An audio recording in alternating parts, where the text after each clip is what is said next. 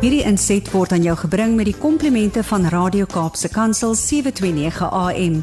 Besoek ons gerus by www.cape pulpit.co.za. Goeie goeie dag aan elkeen wat luister. Ons gesels verder oor bome. In ons vorige gesprek het ons gepraat oor die belangrikheid van snoei en dat ons negatiewe gedagtes moet uitsny uit ons lewe en vervang met dankbaarheid. En ek het so 'n bietjie oor die lewensloop, die seisoene van 'n boom gekyk en gesê dat ons lewe het ook verskillende seisoene. En ek het gesê ons kan terugdink aan 'n seisoen wat ons vul met dankbaarheid. Wat ek gesê het is geldig, dit is waar en ek staan daarbey. Maar ek wil veraloggend dat ons bietjie verder gaan en net so bietjie eerlik met onsself wees en sê As ek terugkyk na die verskillende seisoene van my lewe, terugkyk oor die 54 jaar van my seisoene, dan is daar ek stem saam met myself, daar is baie redes tot dankbaarheid. Maar daar's daarom ook heelwat plekke waar dinge anders te uitgedraai het as wat ek verwag het dit moet wees. Waar dinge nie so voor die wind was nie, waar dit nie sommer voor die hand liggend suksesvol was nie. Daar was botsings gewees. Daar was ongelukke. Daar was misverstande daar was foute, daar was sonde, daar was verkeerde keuses, daar was teleurstelling, daar was siekte, daar was um, neerslagtigheid, daar was finansiële swaarkry, daar was gesondheidskwessies, daar was verhoudingsverwikkelinge, daar was soveel dinge wat nie geloop het soos wat dit moes loop nie. En ek kan wel dosyne redes vir tot dankbaarheid opnoem en ek is so so bevoorreg om dit te kan doen. Maar as ek sou wou, kon ek ook 'n lys maak van areas wat sou dink wat my laat dink aan mislukking of teleurstelling of fout of donkerte. En nou is die Here so groot en die Here is so goed dat hy nie net 'n mooi weersvriend is nie. Hy is nie net by ons op die dae wat die son skyn en dit mooi weer is en daar's vioolmusiek in die agtergrond en daar's styfsoft in die lug en alles is net hankie dory nie. Die Here is nie net met ons op die goeie dae nie. Hy is ook net soveel met ons op 'n dag wanneer die lewe jou 'n klap gee, onverwags van agter af jou voete onder jou uitslaan. Wat gesondheid of finansies of wat dit ook al is op daai stadium totaal in 'n krisis verval. Daardie botsings. Laat ons gewoonlik terugkyk en dan kan dit maklik wees dat ons dan sal sê wat as dinge maar net anders te was? What if? What if things were different? En ons kan 'n bitter smaak in ons mond hê. Ons kan selfs nog steeds loop met gedagtes van bitterheid. Mense wat hulle self toelaat om in daai gedagtegang um te te te te hulle self al hoe meer en meer tuis te maak. Hulle word bitter ou mense. Baie van ons wat in in Christen gemeentes is, wil ons self nie toelaat om bitter ou mense te word nie. So ons probeer net so 'n bietjie van 'n beskaafde sousie oor ons bitterheid gooi en dan raak ons net so in plaas van bitter, raak ons 'n bietjie sinies. As daar 'n jong paartjie is wat verloof raak en dis net maanskyn en rose, dan sal ons nou nie in bitterheid sê ag dinge gaan nie uitwerk nie. Maar in siniesheid kan ons dalk in die stilte van ons binnekant sê gee dit 7 jaar en dan kyk ons of hulle nog so mooi handjies vashou. En siniesheid kan in stilte soos 'n kanker word wat ons vrede en ons vreugde wegsnoei. Want daar is natuurlik klomp swaarkry daar is natuurlik 'n klomp dinge wat nie uitwerk nie. Maar om sinies te wees is nie die antwoord nie om serious te wees, om seriously voor die Here te gaan en dan te sê Here, hier was fout geweest, hier was 'n botsing. Dit is beter as om sinies te wees. Nou net soos wat daar in die gewone verkeer na 'n botsing moet daar 'n 'n deeglike ondersoek wees.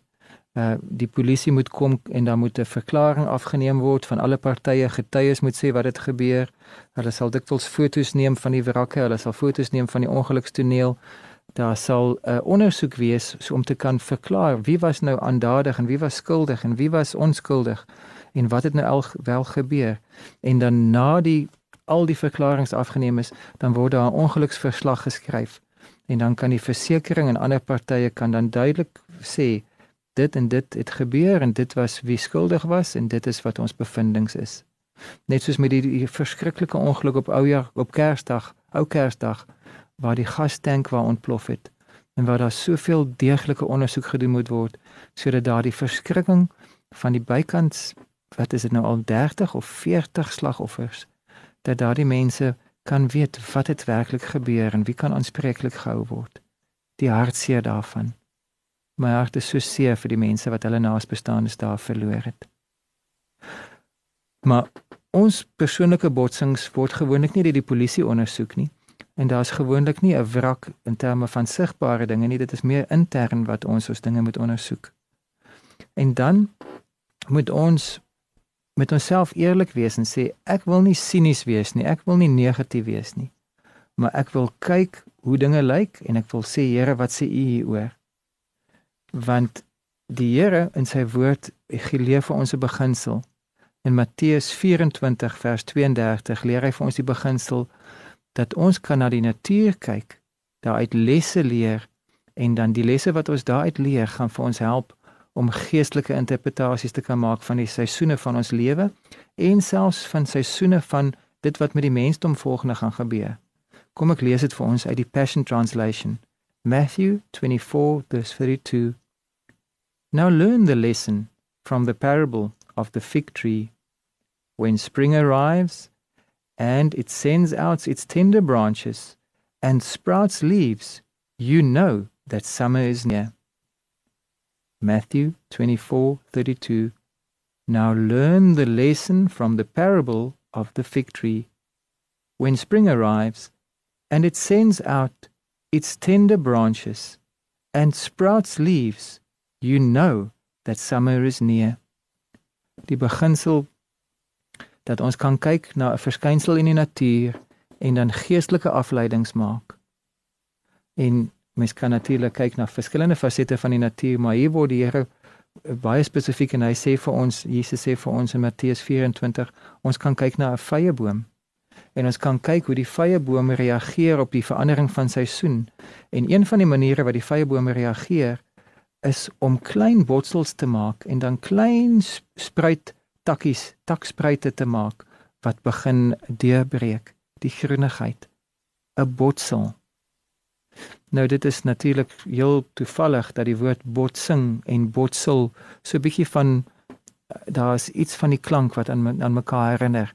Maar die twee is op die spektrum natuurlik twee uiterstes. Die een praat van die einde van 'n bestaan, die einde van 'n toestand, 'n ongeluk, 'n crash, 'n smash, 'n botsing. Die ander een praat van die begin van iets, 'n botsel, iets wat uitspruit, nuwe lewe, nuwe begin.